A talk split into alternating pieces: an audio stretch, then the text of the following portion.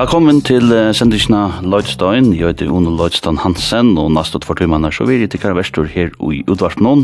Nå sendt vi på en løs, live, i studio 4 her i Sørstudio i Havn. Og jeg er øyelig æren av å kunne si at jeg er ikke ansamhandler, tui at ungen under enn Lena Andersen i komna vidjan. Velkommen Lena. Takk for det. Og under armen hon heit og enn spiltur nutja plato State of the Land som vi sitter vi hånden her og en myndelig uh, workerplata sitter og hittir på her og ja, klokk vi henne. Tusen takk for det. Hvordan er kjenslan? Hon är fantastisk och synder Overly. Ja, til nu har vi livet vid tankarna att en platta ska komma ut og nok så länge tøy, och det er ordentligt deilt at at kunne klippa seg sån og si at det er verkligt. Ja, det er väl en lätt att säga sen senast. Ja. Kan rockna dock fram till att tjej. Tjej, ja, ja. ja. Og det som vi får gjøre her i kveld, det er vi får prata om uh, sånne platene og om tonlagen jag der og om det og sånne dörr och, og så er det at um, jag sitter her og og spela og kan tjocka mot tattna. Hoppas att jag kan nå att det är sant när det är stille efter. Ja. Og til der ute som lortet, tid er også velkomne, kommer til tikkere utkastet til sendingen, og vi sitter og lukker av å sende bøgnløys, Lena og jeg. Så at, at de kunne skrive en sms på 24, kommer vi nå altså til Leo, eller kommer vi Leno, og kommer vi noen eh spår hvis det är också både sportarna eller eller hva det skulle vara. Er är kärkommer ganska upplevelser i samband med tuntelnök och ja och jag kan inte lova dig någon spika hamrande for den sending. Så jeg, jeg har lyst til disse platene nå i nekka DR, og hon er sterk, hon er god. Oh, takk for. Så de skulle glede deg til denne her. Men um, jeg lener ikke også med bare høysen, bare uh, byrja vi liksom i rårene, hva det er liksom, hva det er det for en plata? Um, at det er en plata um, som inneholder 11 sanger, og her at løgene her var en uh, personlig søve på en kramata, og her vidt hava åst um, okkara kærlega ui dæmon, og det er lukka som versjonene som uh, vi byrja i vidt, har vi uh, byrja i at bei skriva og eisen tagga opp i Los Angeles vi Jeff Emmerich. Så det er en, en, um, en lang tilgångt um, her vi føler at, uh, at nå, nå er han klar at och i saverna. Det det blir alltså hon är som sitter det är en lång tillgång till att komma ut alltså och så när blir det 2018 då tror jag. Ja, det var mars 2018 vi började ta upp och började skriva lögner som det är det och ja, Ja, så onkel Løyne har ganska haft uh, sin länge till upp som man säger. Men det går spela till att det tog så länge til. Alltså, Luive händer det, alltså. Ehm det är till er så läs att uh, man kan planlägga ting, men man kan inte alltid planlägga hur så tingen blir alltså hur länge ting ting där går och det släck så så vi då sitter på varandra och i och i liksom dögndrift i nästa år. Ehm men men ett uh, särskilt ting som som hände akkurat i hesa tillgångna, det var det att um, Jeff Emerick Sale, han, han skulle faktiskt uh, arbeta sammen och kom vidare på uh, platna. Så vi får faktiskt iver i uh, mars 2018 och inspalte. Vi var samman med Johannes och Rekve, Josva Debes kom vi eisne, och så hörde vi eisne är um, Matt Chamberlain och Matt Rawlings och John Sosen. Um, och vi spalt uh, grunden in live. Um, Og så var meningen at så får vi ivra til førjar og, og pröva at uh, arrangera noen overdubs og sånt. og så kommer ivra til uh, Los Angeles og och arbetar vi vid Jeff. Mm. Och så skulle han uh, eisne mixa med å blanda. Det hendte så til oktober och i Ajan at um, han brottliga döje. og det här kört så til at vi stod etter vi en sån Iva samma känslor. Vi visste inte Och så arbetar vi vidare på att det här så att vi kunde um, vara trygg för mot hans vision och samstunds åkara vision. Så så mingulerar man nästan det åter fram vid löjne och så till ändan så ehm um, vi valde bara att att att köra head och göra det så gott som vi kunde och och samstunds i hans anda så Ja, og jeg kan säga fallet är ute uh, platan er åkna Jeff Emmerich. Og, ja. men du kan ganska lika hvis ikke onker er Rudolf som vet uh, hvor Jeff Emmerich var. Ja. Jeff Emmerich han er ganska mest kjent for at være ehm um, hövs eller teknikeren fra The Beatles. Ehm um, the Lemus um, Sergeant Pepper, uh, Revolver, Abbey Road platan. Mm -hmm. Han er eisne arbeidet vi Paul McCartney, Wings, um, Band on the Run. Mm -hmm. Den platan. Og, han, og, en legenda. Ja, legenda. Han arbeidet sammen med um, John Lennon, og så Elvis Costello og Kate Bush og flere andre. Og vi tok seg til det var en sånn uh, stortlig eventyr at prøve å vite om det er bare til å få han at arbeide vi oss og det er et nøyest. Så, så for tikkene som ikke vet alltså. ja. Och nu vet jeg til hur han er. Ja. Ja, og vi får prata utan Nick om disse platene og om tonarna og sånne.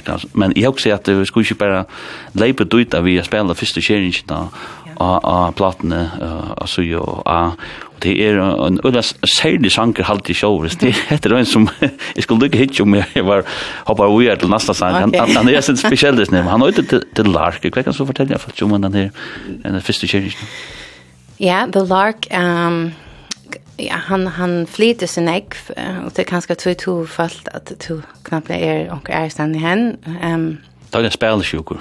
ja, og han hever... Uh, han er innspalder utan klikk, og han hever samstånds eisen et, ett, et uh, skift her han, han för Ivro i fem mm -hmm. uh, fjordeilingar. Takten, no? Ja, takten ja. her i mittaste stitje. Og så för första för löven någon eh uh, er av är og och outrøyna. Er det simpla första för? Första för alltså är hur av jag jeg är jo i shake och och har sån uh, tja för säljan men inte ena solo utgave til meg självon. Så heter det første fyrir. Mm. Ja. Og the lark, vad vad det är ju snär the lark. The lark. Vad er, det för? Det er, ehm till det som tan tan uh, godgivna rötten som vi hava som är essensen och jag kan som eisne kan för och kan eh jag uh, miska tojer och och bära vissa vån och och framtid. Och till det här som ehm um, är för att ta er för jag kan eh boltertaturar i löven så finner jag alltid in till alltså rötterna till hon kan synja mig i jöknanda. Mhm. Mm Det kommer til Lark. There's a song inside my heart A beacon where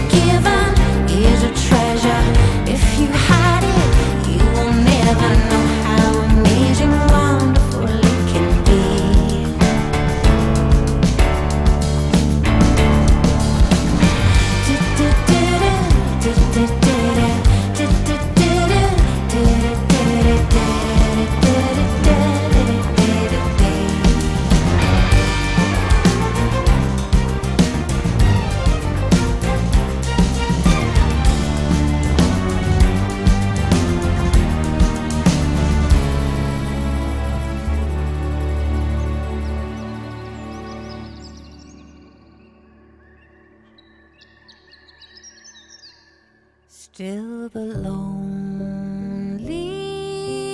lark tells Stories of the midnight moonshine Singing a new song.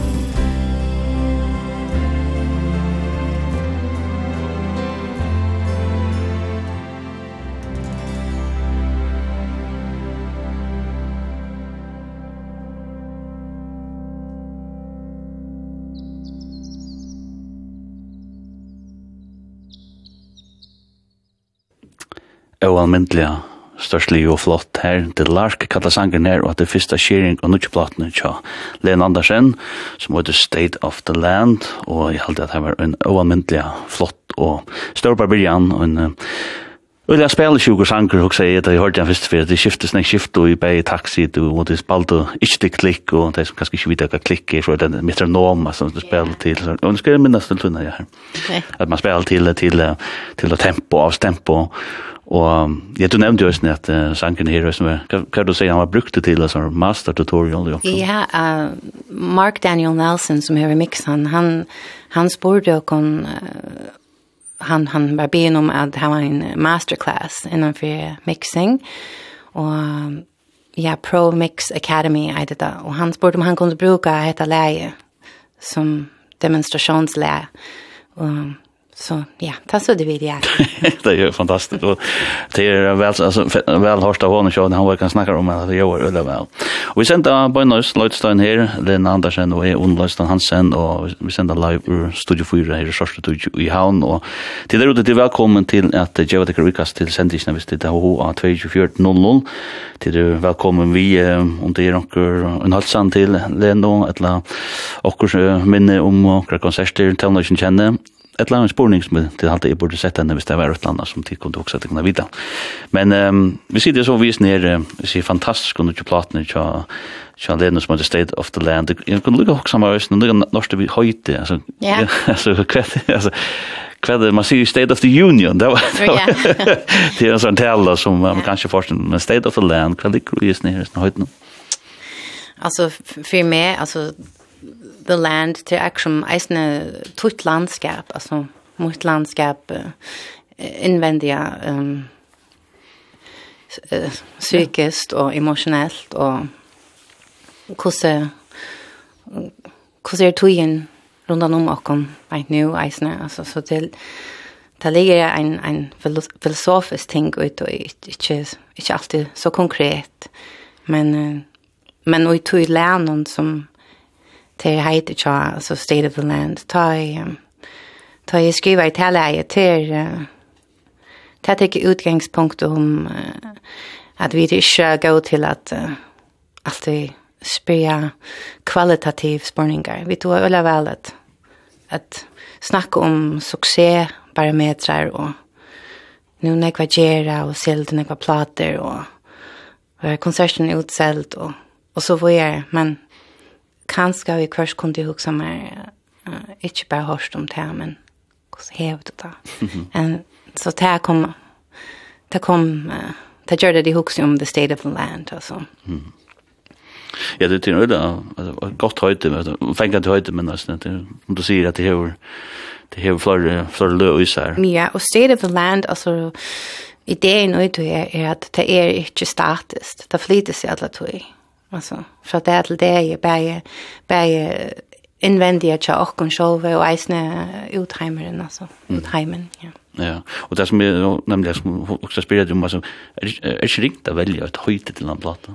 Jo, det är det. Vi vi skiftar mellan junglera i mellan i mest men blev vi att vända efter det här och ja, vi kvörst vänder man ofta efter till det första instinktet eller så. Mm. Ja allt. Ja. alltså alltså då man gem man skriver till överskrifter in kanske rätt land. Ja. Och du eisen tar du så spelar och ehm borspel alltså sån spurning spurnarkappingar och sånt då. Så kan man välja mellan A, B och C ett eller annat om man häver en ett instinkt då. Precis. Så så väl man att kanske resonera oj så nek och så fäller man av för kärsta Sverige. ja. Man skulle faktiskt lusta efter ja. bildinstinkter ja. ja. Och vi tar så en av oss nu att det vi vart det höjde plattan men nästan alltså så börjar man en platta första skärningen som var fantastisk och jag spelade sjuk och stor bär och sanker hade skiftat takt och skiftat mål som är rätt Ja. nek va. Ja. Ja, gusse gusse er er det også ringt. Det har vi ræfelt jo huxa då. Ja. Og bilja. Ja, Ja, til faktisk øl ringt. Ehm ja, så ja til til til eisne øl avgjørende kusse lustaren opplever heltene etter ræfelsen, ja. Og men men hetta vel lukka som eit størst lä eller en stor sangur og och i eh rikvinne som vi hette och hver skal man plassere han? Ja, men hvor er ikke bare byrjene? Hvor er ikke bare byrja? Gjør så vel. Mm. Vi nægger som hever det her, så. Rikka Rødla, va? Takk for det. Og også når man sier at, at man sier holden, men, men også som du også nevnte for meg, som man har glemt det, men første plata. Ja, LP. LP, ja. til gjør ut, altså. Ja, LP-en. Ja. Hvordan er det? Det kjennes ordentlig, ordet, deilig, og ja, løy at, ja, Vi har ikke størst en LP før, men til helt, til, til helt Sverige, altså, så det er helt aktuelt. Vi har gjort nekva fløver, og nå visste det seg at ta vi börjar på det, vi atla och att, att pränta flöver, men som Arne Genka, jo, men och men, ja, brukar folk flöverspelare, så... So nästan ingen bilar som blir sålda i några flöspelare och ja. Och det är området som du säger att man häver ett annat. Ja, och fysiskt så vi tar vi skulle välja vad ska det vara så. Gossjur för först LP, utlutsch inte, säger det, men gossjur vet nu, ja. Ja. Og vi sitter her senda live, Len Andersen og jeg, Unløyste Hansen, senda Lødstein her ur Studio 4, Sørte Studio Havn, og jeg halte, ja, som sier, som det er sagt før, jeg tittar ut, det kan godt komme av tikkar vikast sendisene av 22.14.00, sms på, sendi inn her, endelig hvis det har holdt seg til Len og et eller annet som tikkund hoksa, den kan ha dolt vi okken samband vi at vi at Lena er gestur i sendisene. Men jeg halte vi er forleipa til nasta sang, there must be something more, og det er en sanger som er, alltså också man säger ni har a punch man säger. Ja. Du huxar sonest alltså. Bär sånn, men ösnen han är sånn, sån ja. Ja. Rockar sen tror man säger. Hata läge är faktiskt det enaste alltså ta läge är mixa utanför studion och Mark Daniel Nelson han blev spurter av Blackbird Studio i Nashville om um, han kunde komma och och faktiskt åter göra en demonstration, mixed demonstration av en pult i Chatham, ett nivpost. Och det faktiskt gammalt post till Donald Fagan från Steely Dan. Sådan. Och det sender så här i Blackbird Studio och han han valde att tagga till vi og spurte om det och ta vi ett til. till. Och George så en in the box Så det vil si, du kan ikke gjøre sånne brøydinger at han har faktisk slett ikke. Så it's what you get altså, mm. det som han gjør til det som han færer. Um, og så tar vi ett så tar vi ett hårt David var eller glad for det men också hvordan er det jo hvis det var uh, mixa sönder över sig och kanske out, out of the box här man kan göra några brödingar. Mm Og han får så etter til Los Angeles og, og prøve i det, og det var ordentlig godt.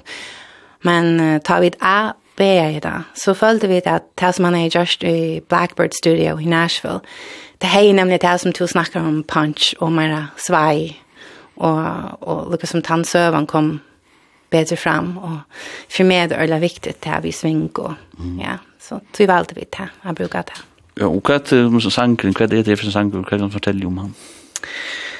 Ja, hva er det, altså...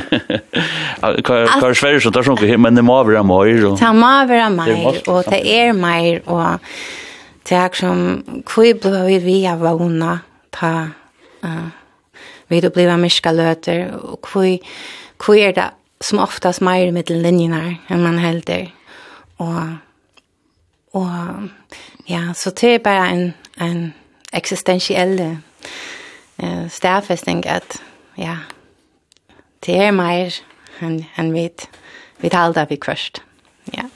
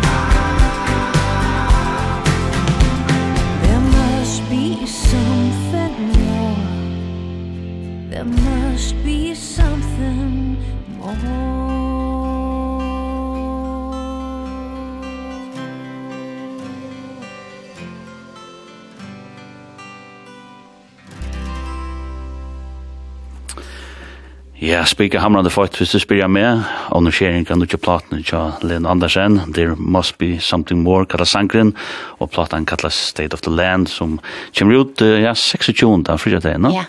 Richard den 26.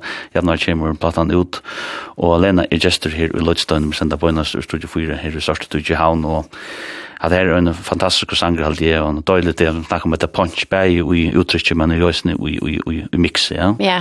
Men, men du nevnte at disse sangeren mener spalt at, um, at det er en eldre sanger som, som, ja, som du faktisk lagt til suje, men som du funnet fram at Ja, vi var faktisk nesten av ved iver til Los Angeles, mm. og, og hei, han slett ikke vi i puljene, og så sæd jeg i morgen med, med gitaren, og Det var också onker akkorder runt gänge som är spalter som knappt jag kom att lära fram att det ehm som som vi hade vi hade skriva för länge tid sedan. Så så också jag kvisch på hur han vi till att det är helt att ha en, en sån där enklan fyra ackordsang. Vi.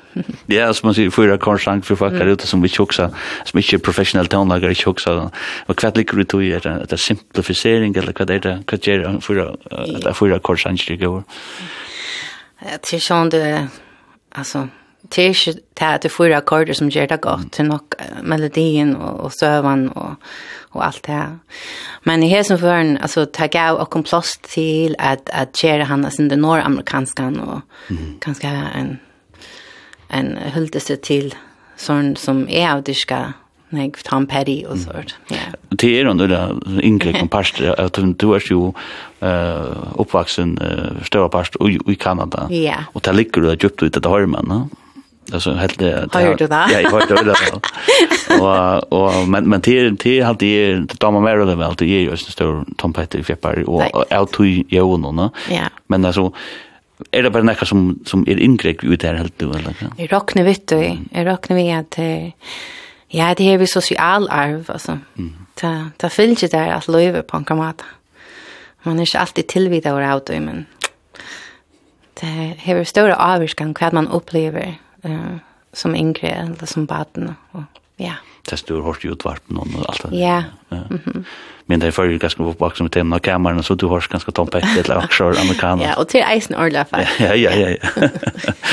du, ehm ja, det er, men, men, men, men hvordan väl du lyse seg platen i mån till hinna som du, du gjør, alltså du också nevnt akkurat om att det er stilmessig, att det er för alltså att det är Jag upplevde sen alltså ja, hvordan vil du lyse henne da det kommer til å tøvnlistene, ja? Ehm Ja, alltså till eller ringt att for å sette år av akkurat ehm alltså hon är hon är nok så spelande alltså eh och och personlig och ehm organisk. Så ja det här flyerlö du snakker om klikk, och Janne det flyerlö som som eh, som ikke er spalt inn vi metronom, at, at vi bare bruker okkar interna pulsa da vi spiller inn, og det har vi ikke gjort negv av, av henne platene. Så det er ganske djevet av en, en organisk kjensle, og eisen til at grunnene er innspalt der live, så vi da bevarst til noe som synergi mellom trommer, bass og, og vokal og klaver, ja. Och då ser organet så det simpelt att att det släpper fluid kan ska lösa tempo i fluid och sånt. Ja, det där vi kvörst skinklar sånt där och på en positiv måte. Så man för eisna lust efter gamla upptag eisen tja The Beatles til dem alltså. Det är ju pura alltså metronomiskt det hela. Men men ta svinkar för det. Mm. Och ja till er sånn, altså vi list og så det er ikke alt som er pura symmetrisk, men det ser beint ut eller så. Mhm. Ja, klart. Men gus så jag tar som som som eh som som arbetar professional vis ner öst att också om tonlag alltså gus så tillvit om är man om uttrycket som man kommer vi alltså från platt till platt eller är det näka som till ju lätt till shown eller så du också om det.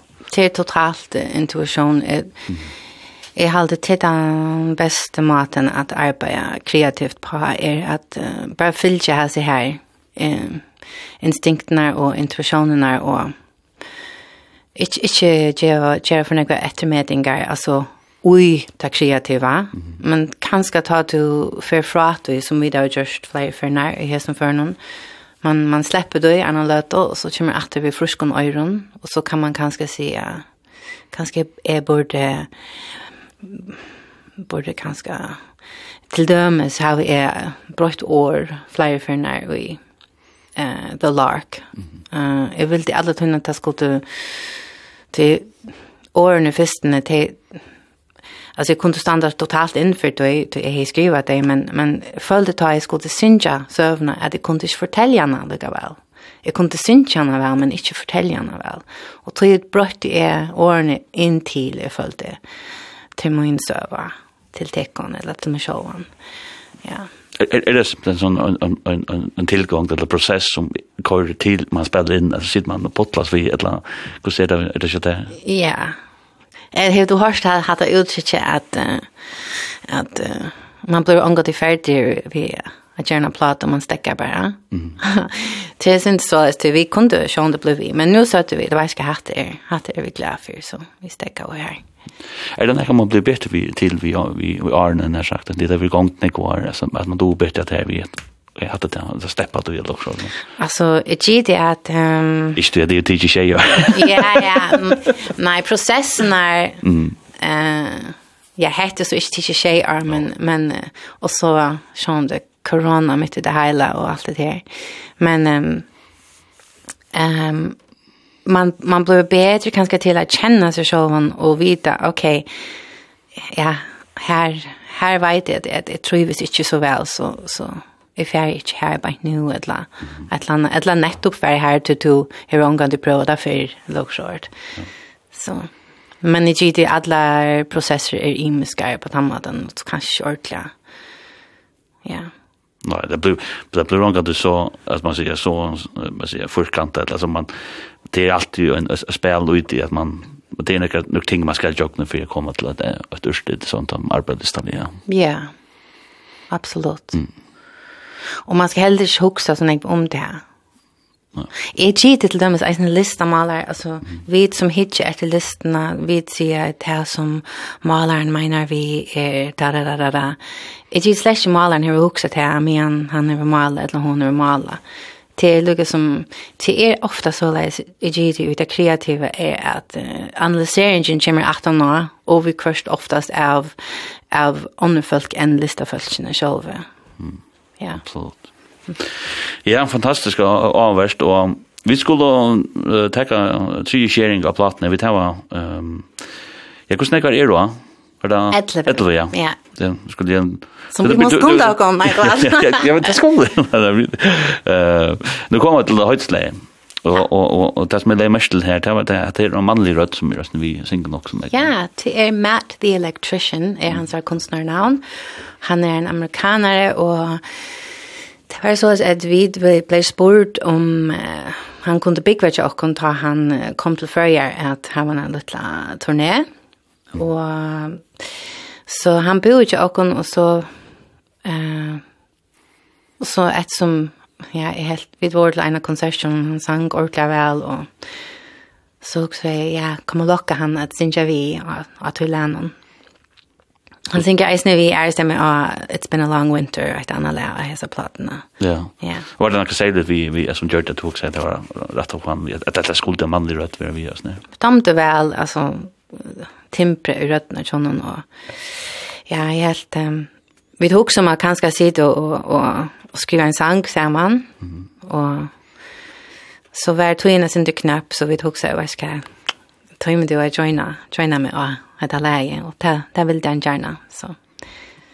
Og det ble så også noe høytesleie av platene. Du, du nevnte sin yeah. unga ligger ui i State of the Land. Ja. Og det er også noe som er iverført til. Ja, akkurat. Vi, vi er øyne, sånn som, avriksorientera. Mm.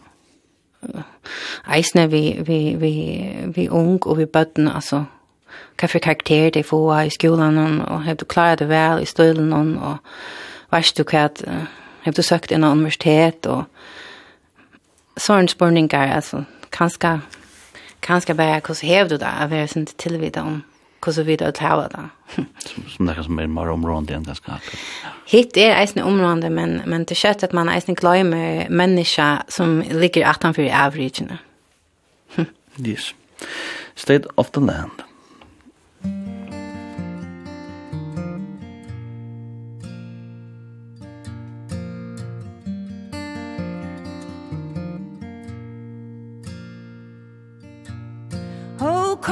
conversations in the air. And the words come flying from everywhere. And you talk about money and the state of the land. Why don't you ask me, ask me how I am? Why don't you ask me, ask me how I am? Now you're busy as a bee in your golden hive. Trying to stay on top just to stay alive. And you ask about the race and how fast I ran. Why don't you ask me, ask me how I am? Why don't you ask me, ask me how I am? So maybe we can lay it all down at the kitchen table then. Maybe we can tuck it away as we watch the sun go down.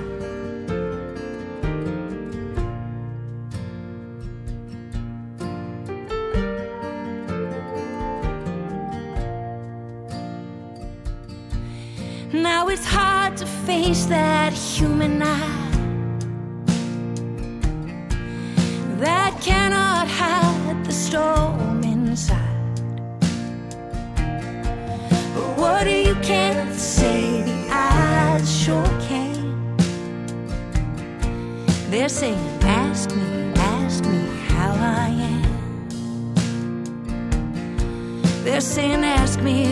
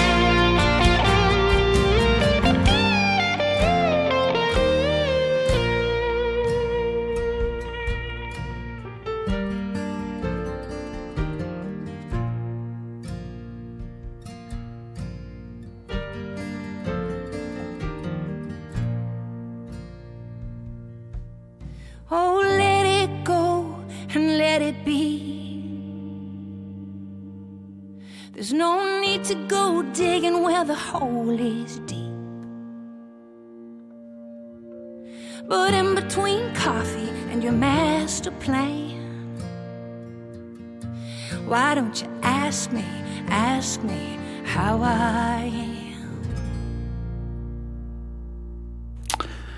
Øyla, øyla, vekkurs her, sangen kallas for State of the Land, høytesleie og nutje platen til Lena Andersen, som kommer ut fyrtja dagen 26. januar, og ja, årene satt og alt, let it let it go let it be why don't you let it go and let, let it, it be, be. Yeah. og don't go digging where the hole is deep var det det yeah. that yeah and why don't you ask me how I am? And all right, alt venda vi, ja. Øyla, øyla vekkort, og ja, og slem, og Niklas Johannesen, som er bæg med ut, men også nødt til en samstarfella i tøvnløyke, framløyke, sånn fyrt, han slapp at Faltas ju ut vi när sol. Ja, orta. Det er så så länge. Ja, det är mycket at det så er Niklas han öljer som man kallar det for en gitarrfräsare eller så där alltid. Ja. Han då rullar var spela gitarr. Och då plånar jag spelade något rockgitarr. Ja. Men men så ja, jeg har också visst till han ser låt och lika sång kan det efter och jag kan jag också visst då då nu det här nämna Niklas altså, jag gus, gus, at det trigger samstag gus, gus, gus, fungerar det inte det.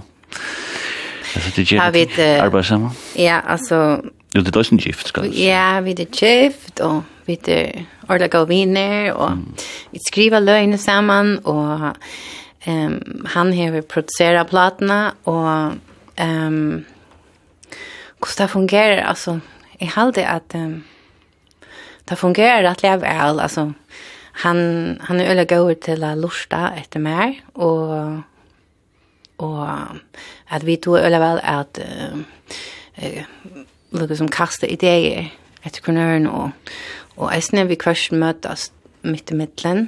Ehm um, Eh, det här är sagt så kan det äsna vara, alltså det råka litt, altså til... för vad det då. Vi äsna till vi vi lever under samma tak och ja. Och så kan man gott stanna sig. Jag det ankan det här på att åter det jag vet vet vi vi ja vi lever så tätt och och är är bäge eller passionerat om det som vi gör och mm. men är halt inte att uh, visst du spist orkester och så att hej standa i studio och göra plattor till till till onga du bära smooth sailing som man säger till det ska vara det ska vara synder av friktion eisne. Ja, för att skapa. Ja, ja. Men men är det är det en som du säger att att man gifter borde samma test kan det vara något det då att det kan jag det då öliga väl. Jag vill säga att ja. För det mesta tar vi arbete samman så huxar jag vidare gift. Så. Och ta ta vi det och ha en date så huxar jag vidare arbete samman så det man man ja, men ja, det var nog väl att separera tingen och Samsung så bara allt det gjorde jag inte eller så. Ja. Ja, det det det där på samma neck neck var det sånt ja. Ja, faktiskt ordentligt neck var. Hur snäcker då? Vi har faktiskt haft silver brillep. Kan nog, så klart. Takk for det. Så til kunne skrive og ikke kunne til dere. Ja, ja, vi sitter og lykker av Uh, Lena og sender live, Lena Andersen og vi. Og folk har sendt anten, anten er det lurt at det er øyelig intenst, du ikke vil det øyelig å prate, eller det er ikke lurt det. Ja. Men de må gjerne skrive inn at 24.00 hvis det her var en kvøv eller halsene bedre enn Lena og dere. Ja. Tack inte smeas. Inte smeas i den. Vi sitter och luggar. Till men men jag ska alltså säga att det är en dåligt att vi sitter och pratar gång och väl. Men men som vi snackar om samband att det är det är sjätte plattan jag där, va? Ja. Du vet long distance kom i 85 och så Can't Erase It i 2005.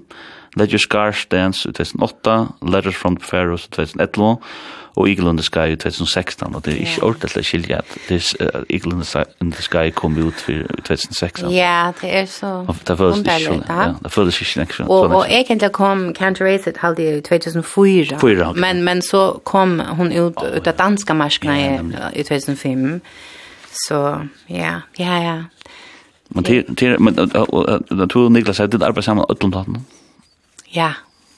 Det har vi. og så har vi haft eh, andre folk vi Ole Paulsen, han er väl nek vi eisene, og ja, men men åkara chatten og har alltid vært vidt begge, Ja.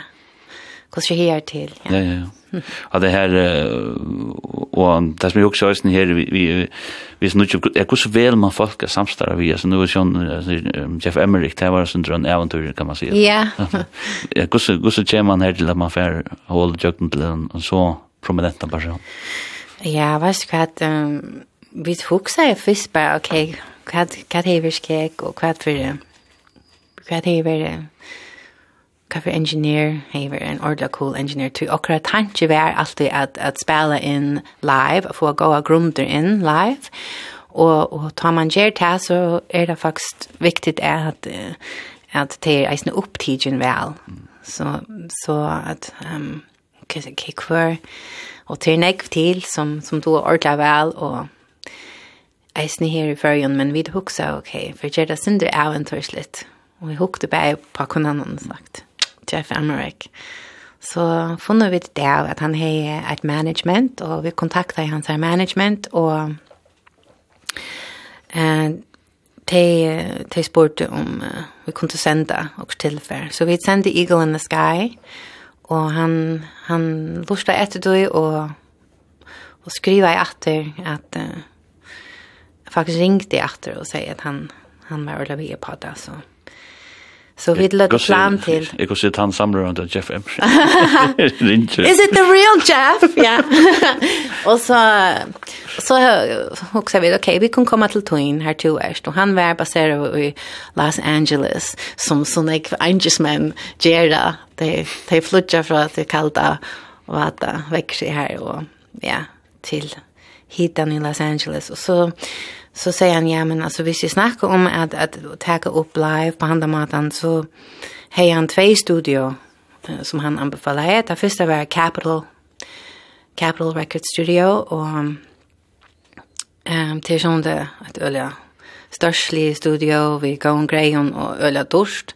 Så sier han et annet studio er LAFX, som er et mer indie-studio. Um, og her er et øyelig godt pult, et API-pult, og her, her er jeg eisne ofta om, ja, så, så vi valgte jeg ferdig her til det seitene, ha.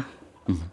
ta LAFX-studio. Så her møtte vi han, og ja, vi, vi bare finner ødeles her vi, att möta han där igen och faktiskt första det eh, valde vi att bara ha Johannes, Arekve Johansen, Niklas, E och så Matt Chamberlain av Trommon.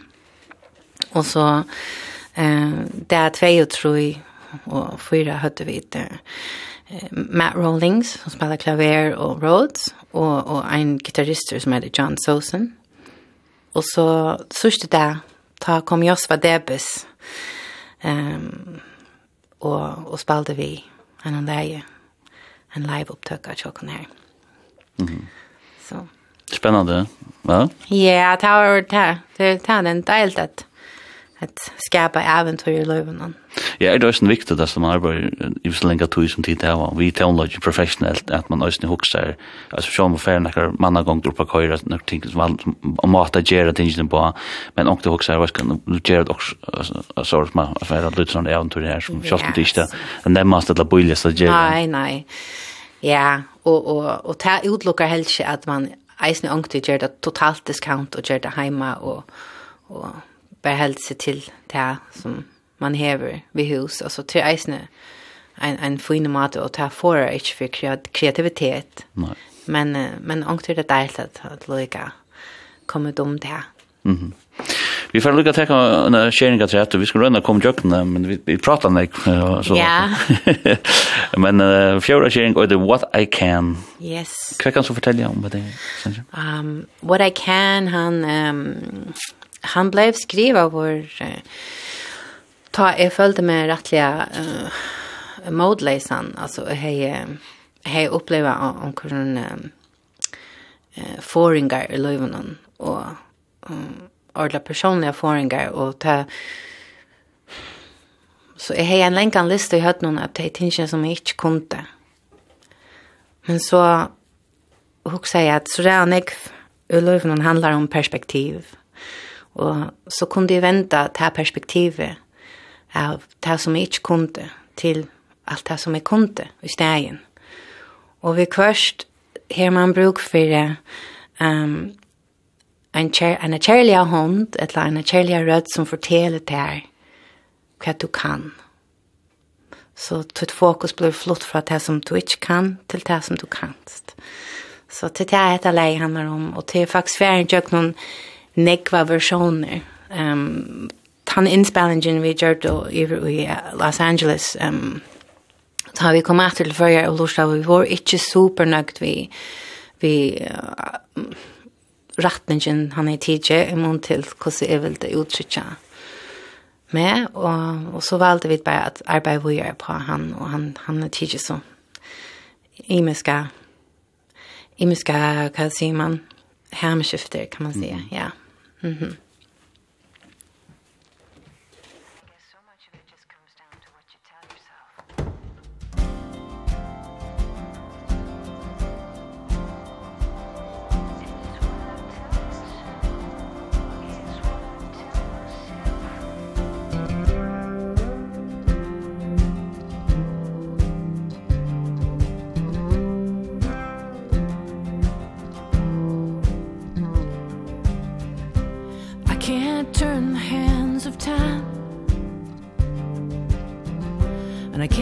walk this path of mine.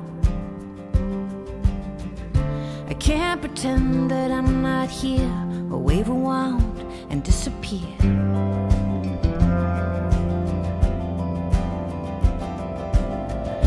I can't just do it like you do. What takes you one step takes me two. what I can't sow. Can't make a dying flower grow.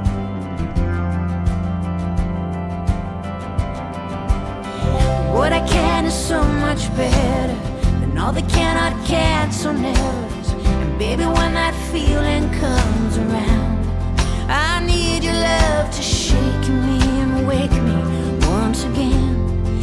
I need your love to hold me and show me once again what I can.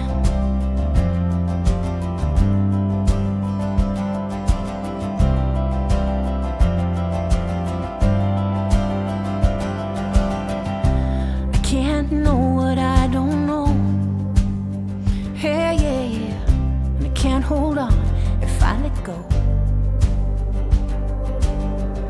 I can't divide my heart and mind like suns for day and the moon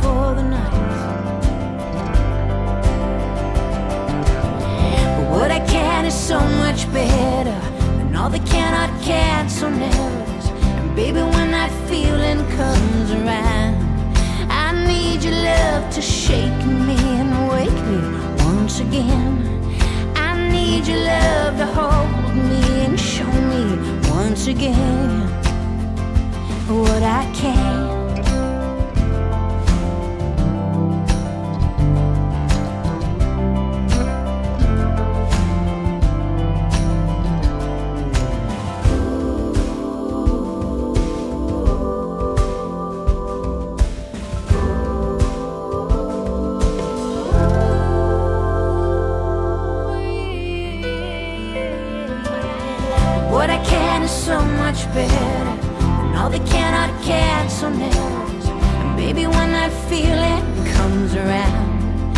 I need your love to shake me and wake me once again. I need your love to hold me and show me once again. I need your love to hold me and show me.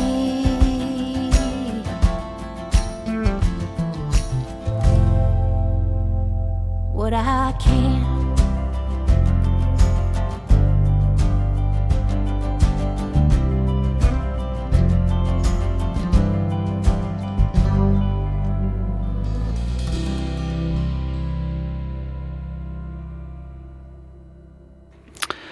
døylig sangren What I Can, tja Leno Andersen, en sanger som, ja, visste jo at her vi er man heldre at fokusere på at man kan, og heldre enn at man ikke kan, og han er fjorda skjering og nødvendig platen ikke Lena som heter State of the Land, som kommer ut fortsatt den 26. januar, og det er nok stortlig høyre her, Jeg var sånn, jeg fikk sånn i, jeg vet ikke om jeg kan si, joka vibes. Vi er en bandle som bass bass som spalte er nok så forsere. Ja, her fikk Lukas som Johannes Arek og Johansson en høvesrolle som bassist, kan man man säga här han han har nästan en en ett ett eller stärskan lik här i början och, och i bandlesan ja och så har spelarna äsna vanligen frätt bass och trätt. Och då nämnde jag en genre att han är vid Jokten Florida, man säger hemskiftes ner. Ja, Men er det som sanger som sitter seg sitter fast og er som gluer bare jøkken til man gjør en platt? Ja, og tror eisen så er at den versjonen som to heier for leie, er ikke her som leie vil være, eller så. Uh, så ångte mamma bare, akkurat bruker tog på å finne det, hva, hva vil hette leie, til, til det, det her var jeg synes ut ekne lov på en måte. Ja. Ja, man tar ofta om at det er tonlag eller med sangon som at at tar er til og så skal man lukka finna frekvensen eller yeah. man, man plockar der nye. Ja. Akkurat. Man hugsar eisne at leie skal tjene artisten, men mig først vil vil det være omvendt. ja. Vi det lyst til lyst til folk uh, sendte sms på innan 24.00 og vi sitter sendt live her i uh, Sørste Studio 4 her Lena og jeg, og Lars Hansen, vi sendte en løtstøy og nå du kommer Løyv i, i Kipan og Jakon og jeg skriver her. Lena og Niklas har støvt sett barna hakri og hakri titt i rukodl Tusen takk. All er besta Lena. Takk for tonlagen. Alla der store løtene sammen. Halsan Gøtemusen. Uh, to var stukker der. Takk for det. Gøtemusen. Lena og Niklas er fantastisk. Elkje høyre Lena Sintja og henne tekster. Ja. Ja, det är ju snäcka som i halt um, det är också bra sam jum alltså i rocknish vet det är mun och fotla men du är stå ena kaska och det stärka så text hund och sälja det gem till enska mal till ja John du hör en lilla firma och nu vet du uppvuxen i Kanada passvis men men men text det fyller eller något det brukar du neka tuju på det det kus kus kus gång där fisk. Ja, jag brukar neka tuju på att att det ska uh, føle at jeg kan, som jeg sier Janne, altså fortelle søvnene, og at uh, jeg kan relatere til det, og det behøver ikke endelig alltid handla om meg, men at jeg, jeg skal vite hva jeg synes om, eller så. Ja, jeg kunne også det her, altså det, det er som sier, det er ikke bare selvbiografisk, men det er nekve biografi. Ja, det er nesten alt selvbiografisk, men mm.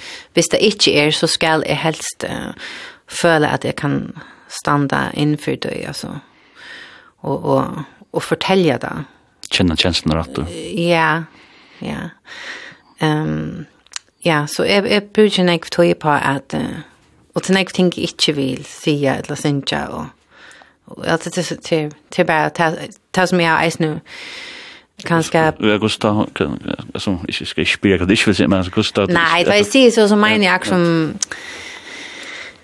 alltså hvis hon kräver kusish på hatta och vad det det ska det ska bäge sida rätt i munnen och och och sida rätt i, i salen alltså. Så ja, jag hade ästen till att som som sangare ska du bära det vad gör det alltså resten av livet Så jag vill helst kunna standa 100% in hvert år. Ja. Ja. Så du sitter nek viktig. Gus, da du skriver tekst, gus, gus gong til fyrs er det Jeg kommer faktisk inspirasjon også fra et eller annet, sitter og bor etter et eller annet, hva stender det, eller kører du år i en, en hatt eller et eller annet? Ja, altså, ja, nemlig, ja. Jeg kører faktisk år i en hatt, nei, det var det. Jeg har flere hatter, så. Um, nei, jeg vil si at inspirasjonen kommer alltid fra, uh, fra løyven, fra løyven selv, og...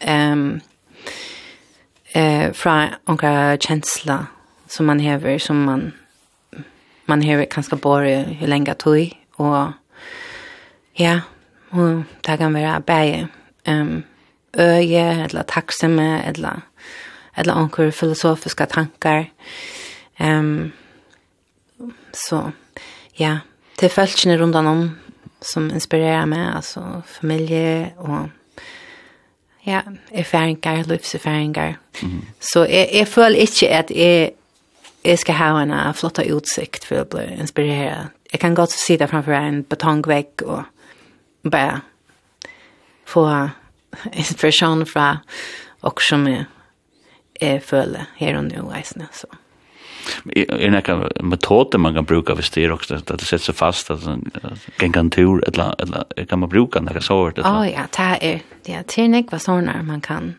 Om du vill se det fast vi omkring, så lika det faktiskt väl att köra en biltur eller eller ja, eller bare flyta, kör også helt annan, gänga en tur och så så løy, så løyser man gatene på en kamata, ja.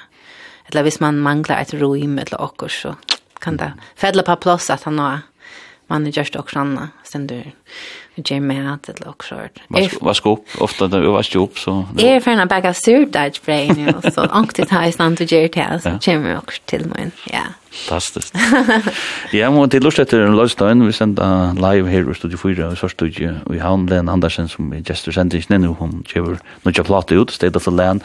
Och skriver in här och tar det som är nog vi men det är mer uh, Jeg vil komme skriva lustig vi antakt. Her vi arbeid sammen med Lena og Fiska, Visking, stod sui om sui og skrev fisk. Ah. Sist ikke, ja. Alt det beste til tøyen og hjertet til lukko vi silvernund. Ja, Tusen takk. Jeg minnes ordelig vel Fiska, Visking, mm. Dianer. Tar og gode dier. Det går førninger her å prøve å lykke som jeg har hatt haft hånd hånden i. Absolut. Jag har alltid som ett fiskevinnertjå är det krav. Det borde ganska vara någon annan som härskylta, så fiskevinnerskylta. Ja, jag har alltid att ja, jag är väldigt tacksam för italiener och glömmer omgående ta och til et streika og i græsken og lata for ulvarsbe streika og det var tævig lust og jo etter vi hørte sånn headset så Og så för um, Kan det bli 8 forskjell då? Nei, det var ehm um, Nei, det var i 8.5. Nej, 8 ja, Ja. 8 forskjell 8.5. 8.5. Ja. Og ta ta sett uh, virkesleiren Hegenbro fäckar affär. Ja, og i øyrene tjokken. Og, jeg minnes, ta ble vi ordentlig förälskad i Hegenbro. Så det var Det er ikke så ringt i skaffer akkur. Sådan. Ja. og, og jeg ser det avhørst at Lorsted til Lene skriver akkur her, her i Norsjøen, hun skriver vi kommande. Lene synker ser vel, og mer damer ser vel Lorsted til henne, skriver vi kommande. Ur Norsjøen. Åh. Så skriver vi egentlig inn 24.00, vi sitter her og lukker til det samme. Ja. Og jeg også lukket tekka sørste siste skjeringen og, av Asuini av platene, og det er den sangren som, det var ikke den første sangren, den første singla som kom ut, men det er også en som blir spalt nek, det er Amy sangren. Ja. Um, hva kan du fortelle om denne sangren? Um, Amy, ja, altså, Et ordentlig cool element i hessen land er til at uh, läger är korskriva sammen vi Ole Poulsen. Mm. Och er gode viner Ole Poulsen, og Um, så Niklas, Ole og jeg, vi har vært sammen om å skrive til leie, og ja, det handler om, uh, om jeg ser jentene som, uh, som hon tårer så ordentlig at færre efter henne dreimer. Um, så hun, hon hon är er nog så atterhilden kan man säga. Ehm um, men så rönte vi det eisen i produktionen att skapa en sån livande vär här. Och jag ska kanske en dag för hon att leva där och fylja sina drömmar och tåra att leva, du vet det. Så, ja, og heter det jeg eisne som um, Niklas han spelade en, en solo framme for Jeff Emmerich i, i uh, kontrollrummen. til at um, ja, Jeff han, han sier uh, Niklas gjorde några Reinter och han hej och han hej faktiskt en är idé eh till ett solo stycke och och ta man sa att Jeff ja han helt där gott men kan kan han pröva ganska can you think Clapton? Think Clapton säger han så får Niklas igång då så kom ett praktfullt solo på sju och ta klappa han uh, i luften Jeff och ta Jeg fengar det faktisk av kamera. Vi tar ikke ikke kamerakro vi og kunne ta, vi atla at var omkring vi seitene før vi får iver om. Men det ble så omkring det tilnæg, så det her footage som vi hava, det er bare fra det som jeg filmer vi akkurat lytla telefon. Så, ja. Ja, her kommer Amy.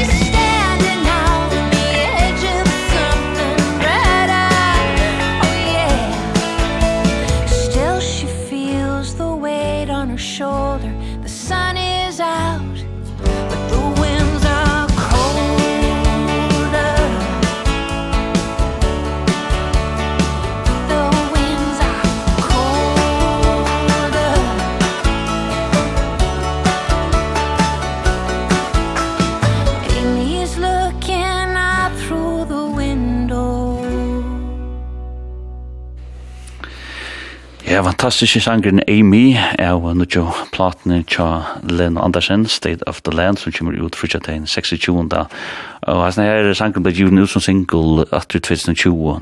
Ja. Ble jo samt om, og det er en døylig sanger vi nekvun elementen, og Og man hørte, og så den Niklas han også om klappan han spalte.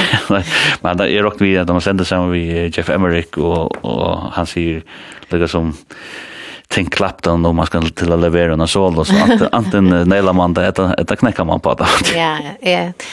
Ja, det var ju slag coola kunna vi vittne till det. Så knappt jag läste han här och sædan her. Och eisne, att det stitch är så stort, att det är inte nek tog att bytja en solo upp och så lända atter sånn. No. Det var så cool. Fantastisk um, sanger og sånn Og um, ja, sms på inne kom inn av 24.00 nå, så det var godt at folk uh, sett. Ja. Hei, Oni og Lena. Sitt jo lustig vi antakt. Uh. Men damer så vel til håndløgjen og tekstene til Lena og Niklas, og så er det så stekfitt folk. Innskje at alt godt må fylltja vi tar imot. Ja, det har vi slett Tusen takk for. Tekstene til Lene er utrolig gode, og sannsyn er ikke minne. Så til å høre Lene og Niklas i Lidvika kyrkju i fjør, alt du lykker godt, særlig live, keep going. Ja, takk for det. Er pura samtidig til Live, uh, uh, Ja, det är det kan særlig det säga det höra det kan live til, att ja. Det är också vägna man snakker ofte om go to like vet, står go to like man säger go. Det kommer også, det blir chim chim bit fram ofta att det är liksom live det som ganska ångt, då man ju plater, man kan missa och och gärna framlöst och så kommer chim diktna fram och utan något vad helt annat mat allt det. Och här att jag tycker det är öligt man man mästar öda kraft i sängen då. Eisen, kanskje tar man sitter og, og, ja. og lustar live, så hever du flere sanser vi, du hever det ta visuella vi, og... Ja, og... Ja, og sånn det, ta, eisen at man kommunikerer kommunikerar kanske sin över som man snakker med den løgene og sånt. Og. Ja ja, och så är det just lite just från det like då. Ja. Det är så kul. Men de ölla väl att alltså här tjusje konserter det er jo ikke noe særlig, folk sitter alltid freligt och lusta. Det är säljer säljer rum, ja, säljer rum. va? Så kan ganska vara en erbjudning hvis det är en kafé eller inte kafé men också sort luktande. Ja. ja. Men men jag hörde att det kom live till när Karl säger att kan skriva under på. Tack vi. Ja. Och så säger han här rösten att Lena och Ivor gör med till en stoltan föring. Mm Ja. Eh för mig är blandningen mellan Alanis Morissette och Tracy Chapman, eller är det blandningen av mellan Alanis Morissette och Tracy Chapman, alltså ur Portugal. Wow, Portugal. Fuck lusta. där. Tack för det. Ja. Så skriv egentligen något för Norrshonen och Portugal. Det är cool. Ja, det är gott. Det är lite lite ölla erren og vera ja at folk tror meg att det är som vi är så fjærskotten stø tøy meg det lusta. Ehm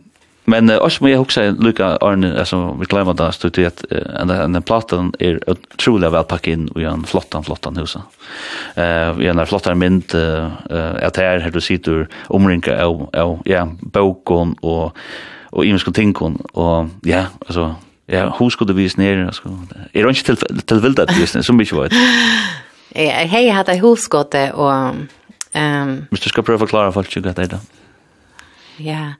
Jeg har aldri til skal bare kjøpe eller nei, for alt. Ja, just.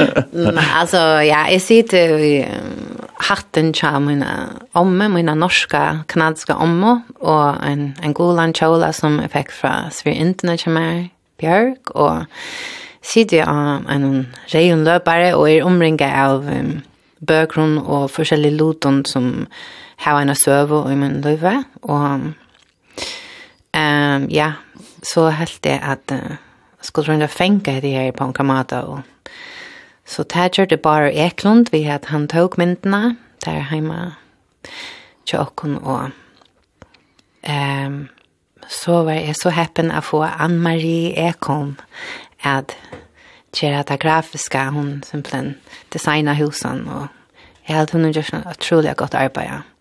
Det er helt sikkert. Og ja, hon, hon är ordentlig um, jeg fragde arbeid sammen vi, og det er bare reisende. Og det er også nøkker en måte levoks, som vi vet ikke. Ja, det var ideen til Marie. Hva er det jeg kjenner til det, eller folk? Ja, tror jeg at nu vet jag det kanske inte kan det snacka om till det såch det inte men men Ahusan är några prickar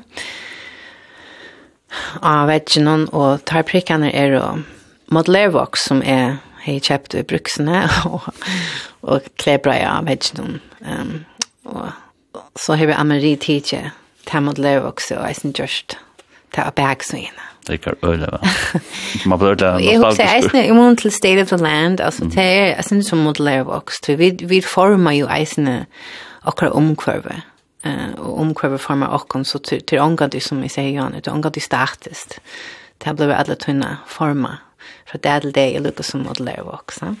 Og til ingen jeg har i røsten akkurat med form at det du har med landa enn Peter Plus, Bams og et eller annet. Ja, ja. Øyla seg så. Ja, han den her Peter Plus Bamsan som er av permen og hun... Um, hon han har fick i gav och ta är VJ Canada som ett år gammal eh för första fär hon har säger Peter Plus Bamso Og jeg tok henne via etter til førjer, men sånn det stekker man i Danmark av avveis til førjer, og jeg enda vi er kløymene til Abba-systemene.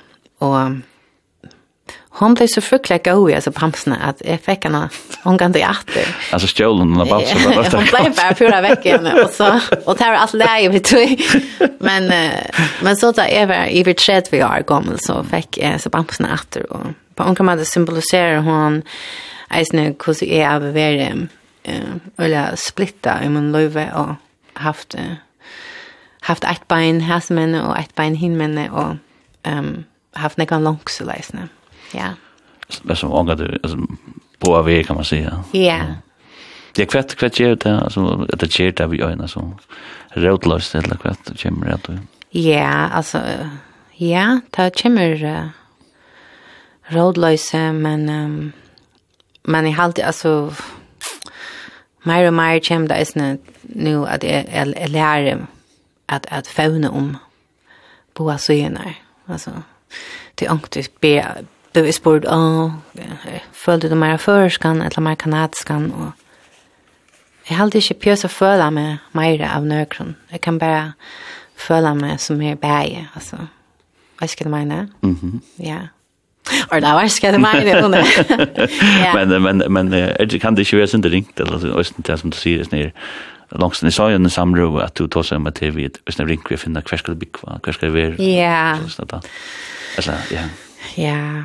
Ehm jeg har flukt otroligt enn jeg i tjøkken løyve og helt fra ja Barnsborg vid Vi vi flutte Ölanäck och Ja, det samma så har man sin ringt vid att uh, knyta bond eller vinskap och hej ganska lätt vi att följa sig utanför och ja. Men alltså det är bara en parser av kuriere och och hur forma med otroliga nek men kanske är snacka som ett tagevim med och i musiken. Mhm. Ja. Absolut alltså det det det är ju tan tan det känns när kan man ofta höra att i text och tal så där det är ju inte långs och såna kan. Ja. Och så kan man vara född och uppvuxen i samma stad och bo i ett samma hus i allt liv och framvis för sig utanför. ja, det, så det är han som säger att det här flyttar runt är ens betydande vi tog i. Ja, så. Men det men det är så en pastor att att att att att att kan man säga. Men vi färdig ut till Syrien. Ja. Og til sangren til Airport. Ja. Det var så som ferast. Akkurat. Og missa, missa Peter Plisbam, så vei. Simpelt hen, og vars hva at um, The Airport er inspireret simpelthen ut fra um, at jeg, at jeg har sagt farvel så øyelig ofte at, uh, at uh, for meg det er nemmere at si at we don't say goodbye, we just say I'll see you again. Og en av de sørste førene jeg pratet vi min norske kanadisk appe. Ta sier han akkurat at det her i telefonrøret. Um, han var sjuker, og jeg visste ikke hvordan jeg kom i etter at så kjenn, men han tar jeg skulle si bye og lette hotne, ned. så, så sier han, just remember, Lena, we don't say goodbye. We just say we'll see you again. Så tan, tan, tan linjen liksom hekk i høttene, og så, ja, ble inspireret fra tog. Gone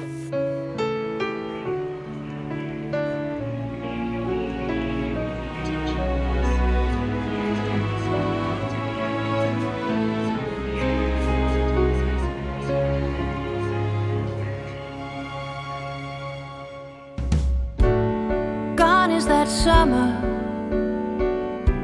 That one July. There wasn't a cloud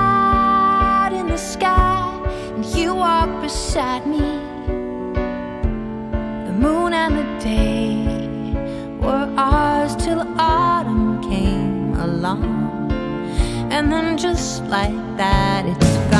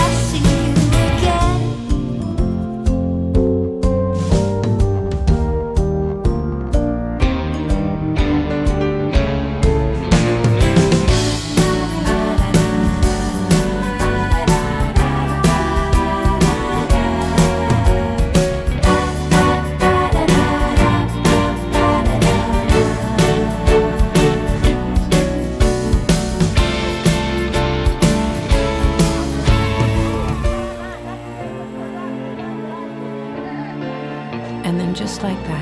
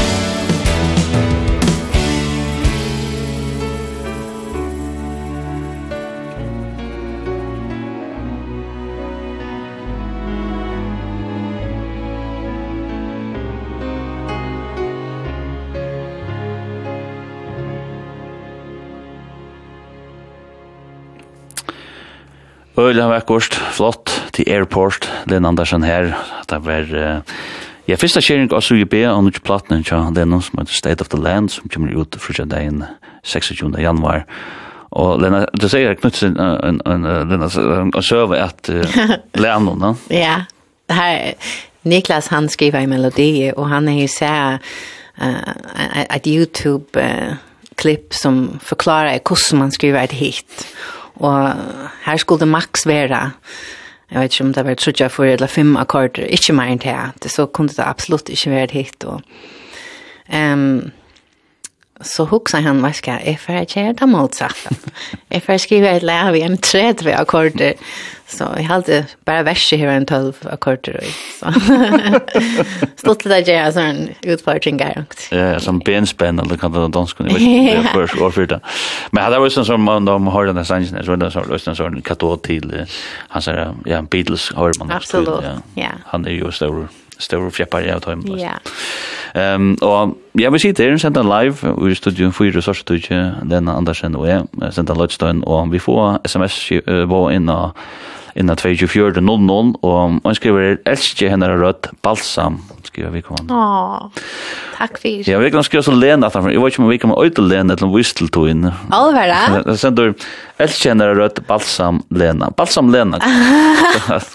så har balsam lena. Ja. ja.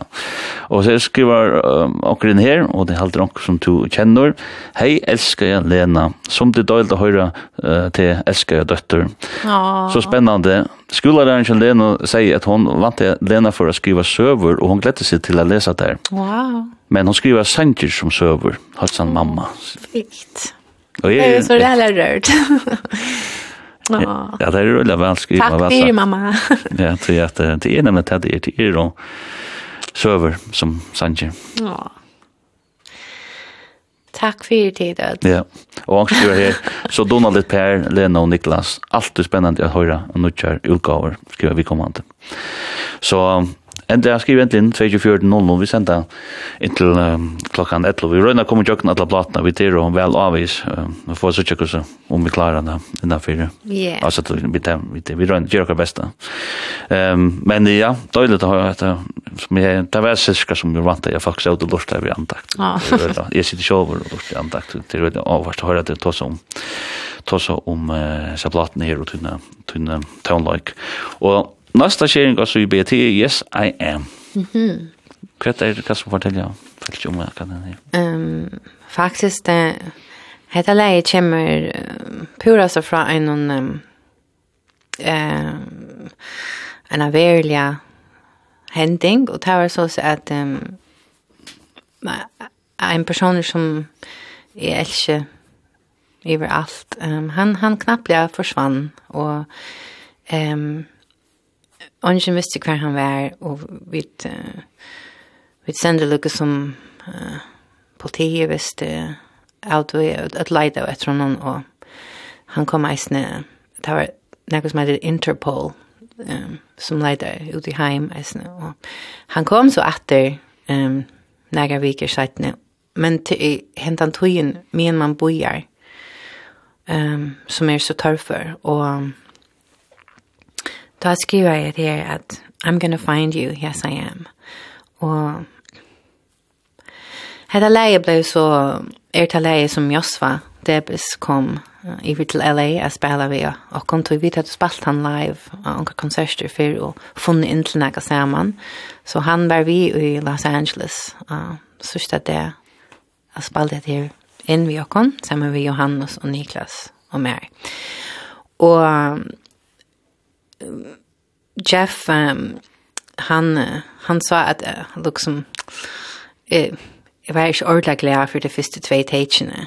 Uh, og det var nægget vi at søvann er så personlig for meg, at det var øyelig viktig at alle hine som spalte vi skilte sövna isne och og hvordan oversamt det var for meg. Så jeg minnes at jeg får ut ur uh, vokal uh, booth, som det heter, The Vocal Booth, og ut i control room og säger faktiskt vi Jeff och hinner eh, Niklas och Johannes och jag så jag vet jag föll att att till jamma för när kvätta vet läge kunde vi ta det ner och simpelthen bara fortälja sig sövna till tid vita att heter heter mesh för mig eller så. Och ta teitje blev så ta teitje. Ta trea teitje att när Eva Eva kom ut och är faktiskt kom ut gradande och jag minns att Jeff blev eisne han blev eisne rörd till att jag förklarar vad händan han handlar om. Tog var det så väldigt viktigt att det blev naila på att han rätta maten. Och så som en en en stuttlig ehm um, fact och i ändan någon Alison Lennon så hör du Jeff säga att han har ehm um, ta leker faktisk jag mina öra at han sier, yeah, I think you've nailed it. Og hetta var så ta, ta um, teacher som vi behilt då.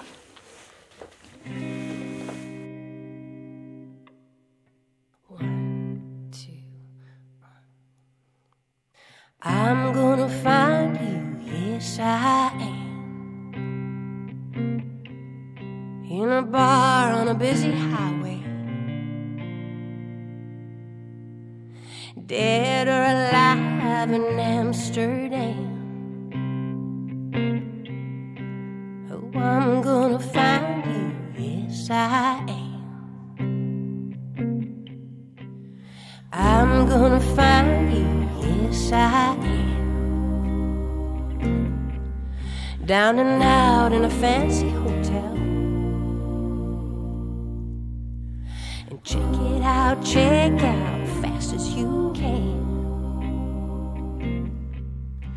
Cause I'm gonna find you, yes I am You said you'd come for me. You said you'd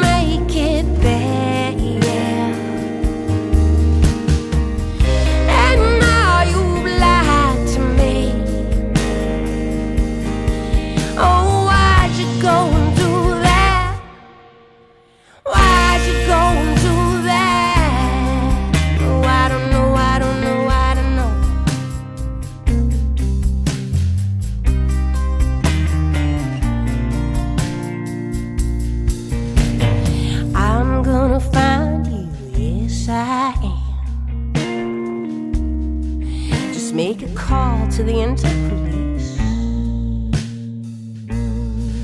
Oh, and ask everybody, have you seen this man? Cause I'm gonna find you, yes I am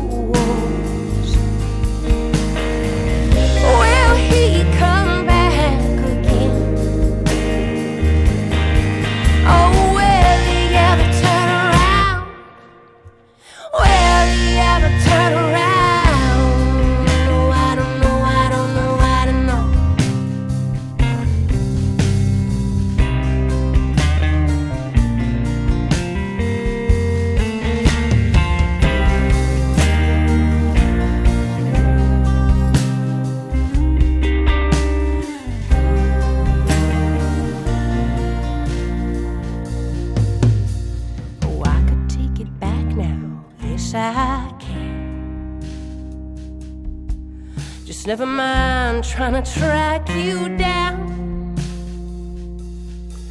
Oh, but because I love you, I'll be damned Oh, and bound to find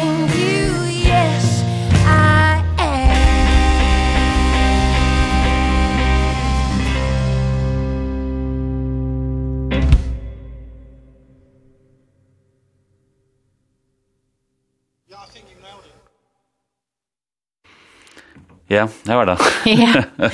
Jeg hadde i samtidig vi Jeff Emmerich her, Jeff Emmerich Sala, I think, I think you nailed it. Ja. At det var en utrolig uh, sterk sankur, og, og jeg hadde just at uh, han på en av en resonera i et eller annet, og fengi okkur mer til jeg, da jeg skulle velja en sang til å gjøre det som vi kallar for rape for sendingina, så, ja. så valgte jeg denne sangen på en av en. Ja. Og det er lekkur som nesten som blues, jeg vet ikke, gospel-lagt eller noe eller annet, som akkur som var, eller lekkur han kallas vi ehm eh Jesaja. Eh och det satt en öliga kurs över. Ja, fra så upptöken från studion här till tog. Ja, alltså vi var um, den ena dagen vi såg ut i gärn och här så gott väder i Los Angeles och åt och frukost och så sitter jag så här tonläkaren här session tonläggare som vi har vi Matt Chamberlain och Matt Rawlings så tar jag spalt vi Bob Dylan och Tori Amos och alla tar och eh så sitter där och repa och ta som man kallar name dropping du vet va og det är sånn en hamplin hamplin där ja ja. Det var det så och är är så att pura fria og lusta ju och nästan säger inte ett år og Jeff Emmerich han var faktisk ikke vi uh, han var inne i studion nå. Vi visste ikke ordentlig hva det var han gjør det. Og så kommer han ut den han løter seitene. Og så sier han, uh, right guys, that was Paul McCartney on the phone. He just called and uh, Lena, he, he says hi and wishes you well on the album. så jeg helt av, akkurat apropos name dropping, så kom han knappt ut og hei, finnes jeg en uppringning från honom så det här är vissla. Det är inte kvar en dag. Han får en halsa från Paul McCartney. Det här är sin skräck. Det är fantastiskt. det var väldigt hotat kan du höra. Og um, ja, vi sitter og, og, og sender live her i studio 4, Svarsa Studio, og og skriver inn der, Lena er så en standande gøy, det er så nekko visdommer i henne åren, og samstånd og så gjerbonde. Og at kunne relatera til okkurst. Og så er hun så fantastisk at uh, høyta av.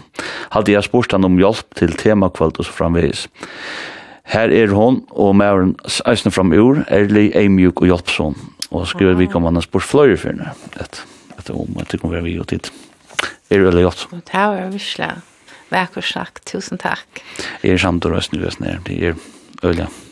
Øyla, eimjuk og døylig folk. Tusen takk. Ja, det var mæren kjøttet. Ehm og ja, som sagt, vi skal rønne komme kan ja, nu klokkan fem fra Bøy Holgen. Vi tar fyra sannsett. Men vi kan godt ta en timme tre. Ja, ja, vi vi kan godt. Vi får rønne, vi tar så lenge komme. Til, ehm Ja, nämligen nu att det faktiskt är härskande här som vi er på nu nu skriver vi hva det var vid till er tröjan i januari och och så andra gång man gör så tog vi vi inte helt sloppen veck från vetren enn, men tre är kjering och bäsvin av plattan till it's been a long winter. Ja. Och ta hävet där vi slaver och på på flere måter enn en ehm bare vi vi corona och krutch och og lufsens bolder så så kjennes det vi kvärs som vet hur har här ekstra extra länge. Ehm um, i snö i i sinne. Så dette här leie handlar simpelthen om att um, att vända mot jøsnen og for för lite til solene. Og ja. Inte glömma at hon är till läsna. Glädje sig var.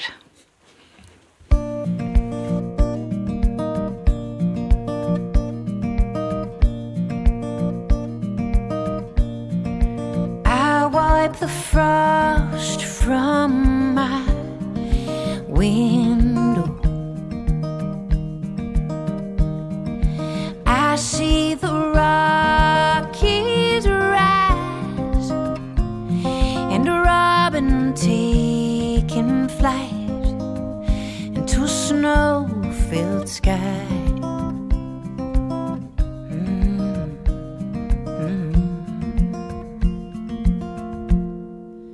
all of my life I felt this way.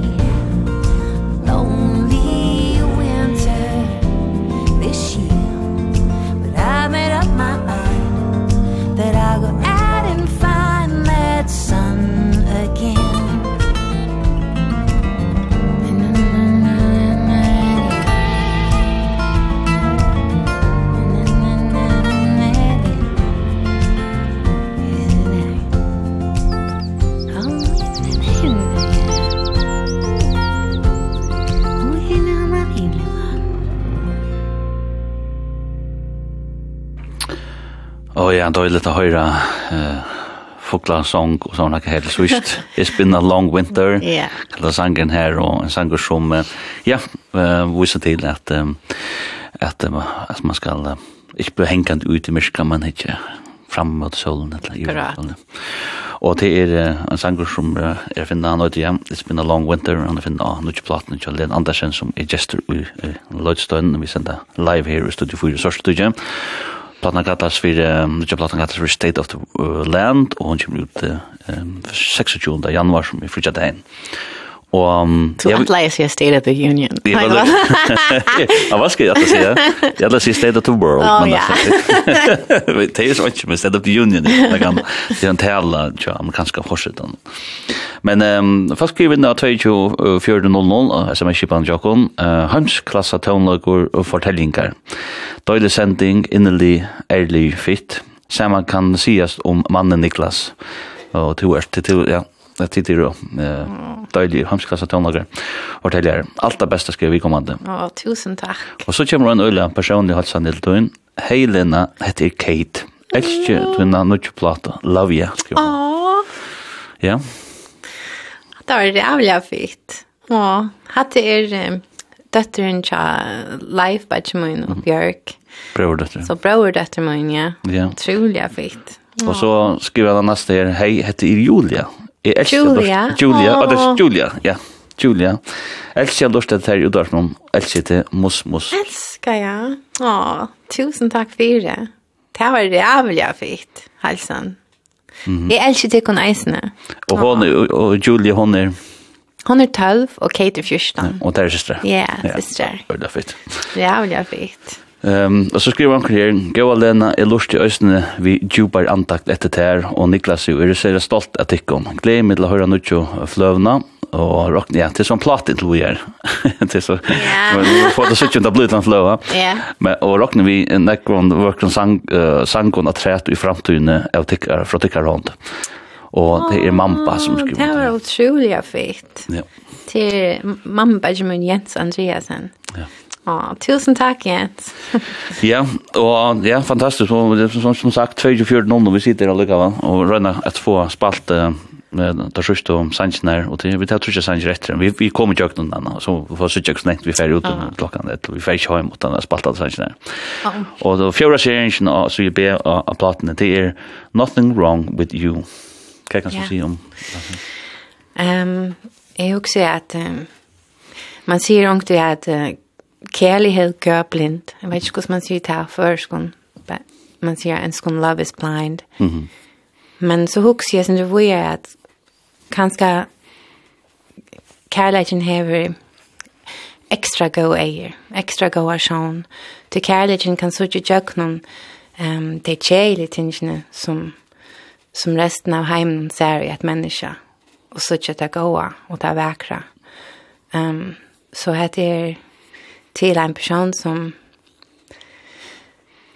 som jag älskar som man kunde sagt alla nek jag ting om men kärleken som jag säger att här fejlar hon inte.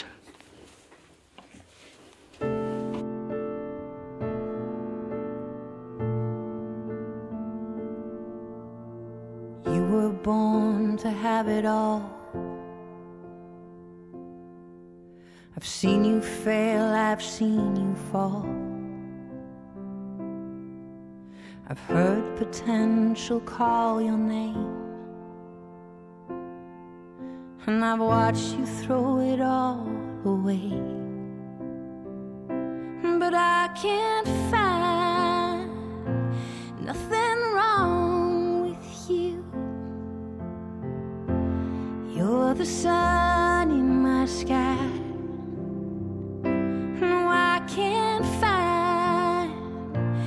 nothing wrong with you. It must be love, love, love at the heart of it.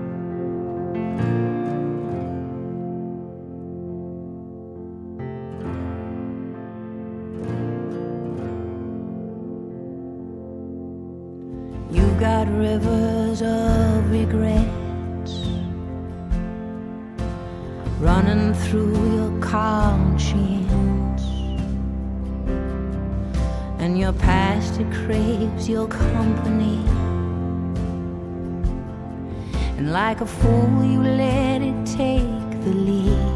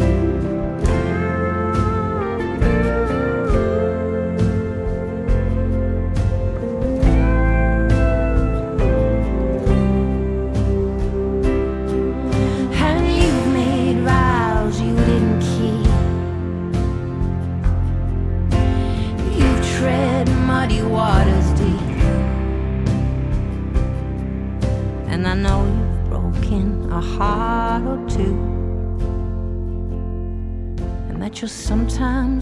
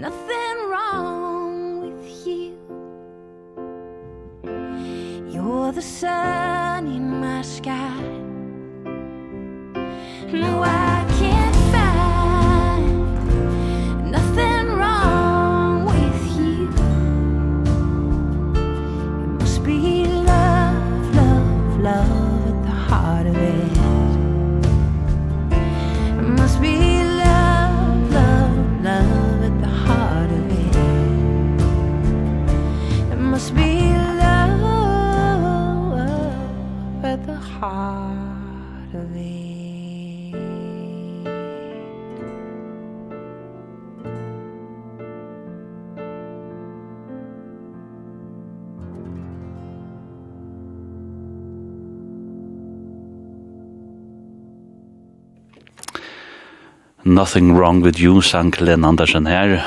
sanger er finna av nødvendig platen kjenne State of the Land, som kommer ut uh, frutja den 26. januar.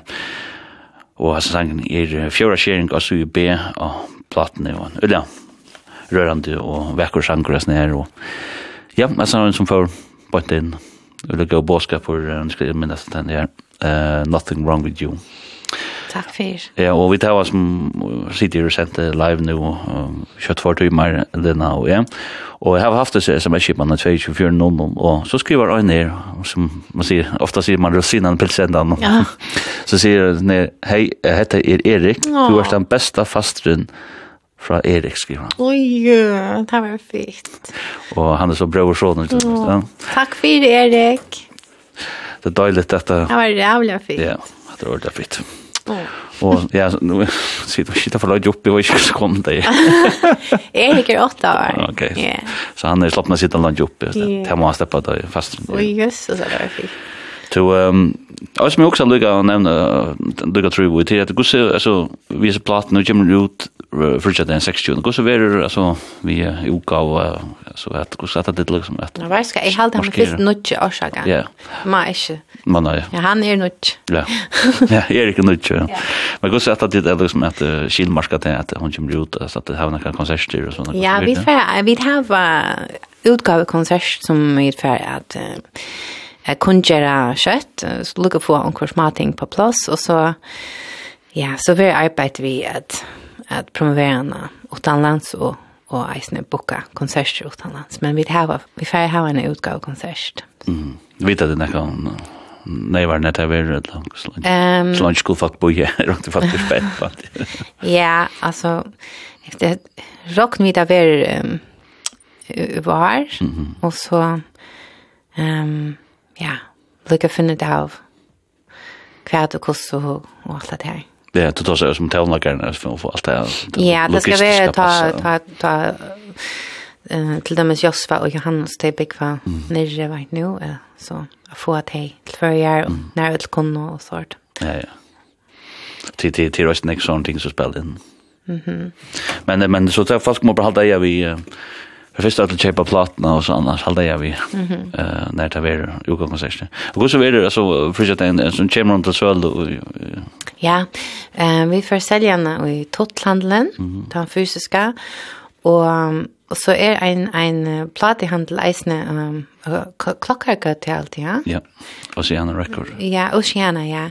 Um, og så har vi eisne, uh, jag kan sälja en eisne heimann fra, um, Og jeg har eisne en bandcamp, så jeg her man kan ordrene, og jeg kan sende den hvis det er utanfor førjer, hvis det er innenfor førjer, og til det kommer like at, at køyre om man til tot, eller, så kan jeg køyre henne ut. Så. Ja, så det er bare, og så bandcamp og, og, og och jag vet hon har hemma så jag skulle säga det för dig. Min hemma så ja. Mm -hmm. Ja, hon heter lenamusic.com Og um, ja, jeg arbeider på å få en handel opp her, mm -hmm. køyre, så ja. det er veldig kjøtt at det er ferdig. Man kan nesten ganske komme sammen til Jøkken Facebook, sånn, nesten her. Ja, ja, ja, ja. Nei, vi tar jo två sanger etter den, og det stod er den neste sanger, han spalte faktisk på en R&B før i luften, jeg sendte i kveld Home uh, Tonight. Ja. Vi håper faktisk sitter hjemme og dørste. Akkurat. Yeah, home tonight. Um, hva vil du høre, hva vil du vite? Ja, kan du kan, hva du Ja, Han, uh, han, han ble eisen spalder in live over i, um, i USA, og er faktisk en eldre sanger som um, ble skrivet over ta hei, som det heter her um, forbi, affær utmiddelen for noen folk, og jeg kjente meg tryggere ved är bare være hjemme. så. Og det er noe vi jag si at, um, at jeg kan fortälja väggen mina hemligheter och det at jeg ikke vil gjøre, og sånt. Så så en trick trick så en trick ja. Um, ta, så det er en sånn känsla eller noe som jeg har haft vi kørst, og, men jeg hadde eisen bare i orna så er øyla nekv uh, at gjøre, nekv affæra til, og vi først hever man bare en sånn kjensle av at uh, how the best bare hjemme, by nu, hvis det er ok vid det. Ja. Ja.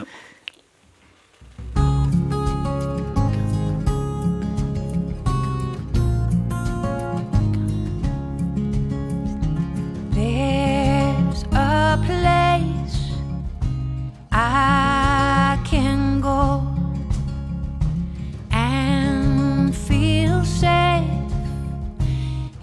space I call my own No one's there to get me down Just myself but I'm allowed. If I don't have to go outside. I think that I'll stay home tonight. I I'm all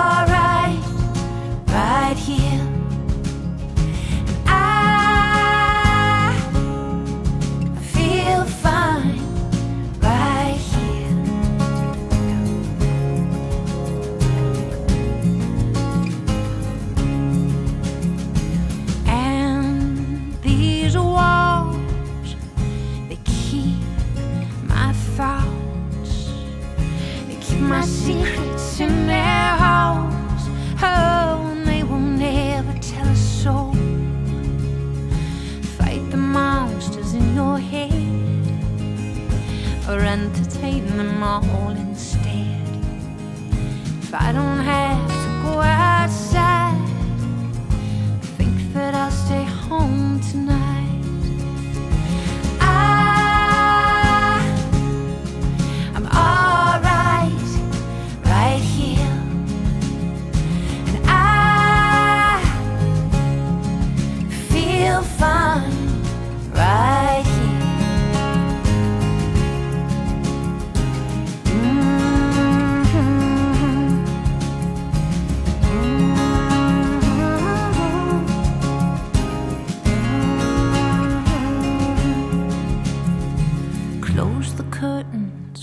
close the door.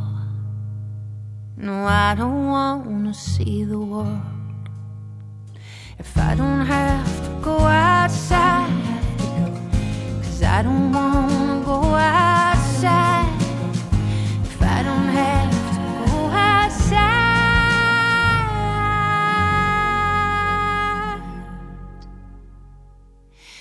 Oh, then I think that I'll stay home tonight Oh, if that's all right Det er alt ok. Nei, det er alt bedre at du var i jokken her i kringvarpen og ukvalden for alt men en fantastisk døylig sanger Home Tonight tutsinda sharing uh av platene, faktisk den femta av SVB av State of the Land, tja der, nutje platene tja der, og en øyla, øyla gøy plata. Og ja, vi er om norska sendan det, men jeg finner jo øyla, øyla godt sms-er um, så sier Hei Tipei og i KVF, ein spika hamrande for et sending. Lena, jeg har lyst til Sjøen shake, og du blir jo bare bedre og bedre. Wow, takk for det. Åh. Sier vi kommande. Tusen takk. Det var fantastisk. Ja, jeg jag hade over at det. er så. det var gode år. Hun spiker hamrande. og så skriver han skriver han kring Goa Stora System. Congratulations we state of the land uh, Flåne. Takk for den, uh, for den Goa syster du är. Jeg elsker det. Hassan Lutta syster Lisa. Ja, tusen tack. Det var jävla fint. Så nu har jag finns jag alla familjerna vi. Det var otroligt cool. Det er godt. Tack för det.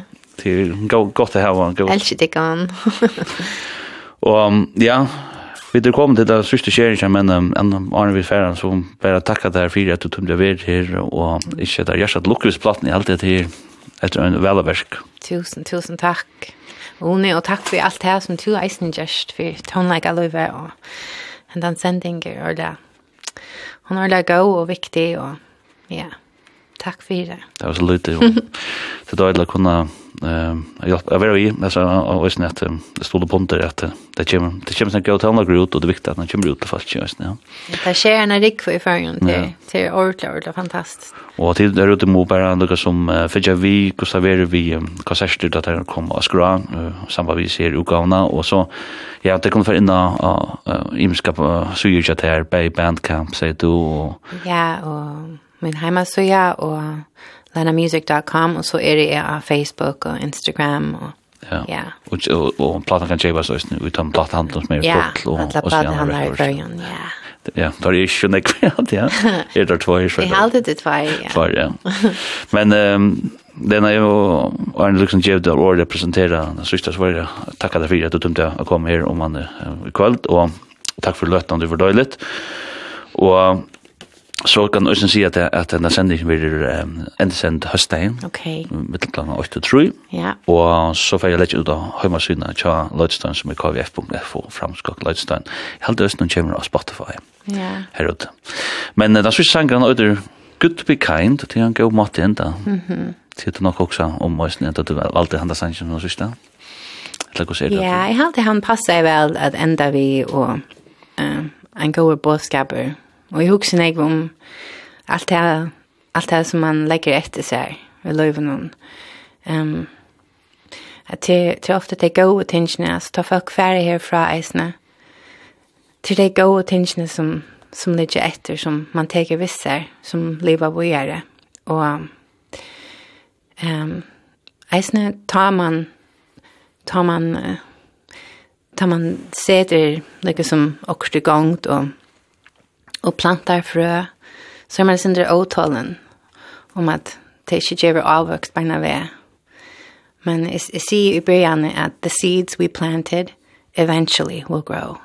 Før jeg la seitene, så, så gjør det avvøkst. Og medan vi bor så er det veldig viktig at vi er gode kunne Så ta det er enda vid vi, og hvis vi kan lukka løyve meg at tacka en person, um, till som Niklas Johannesen som har um, något som är en klätter för mig och um, producerar dessa plattorna och, och stolar mig och han är snö alltid en som är, är kind. Så tack för det.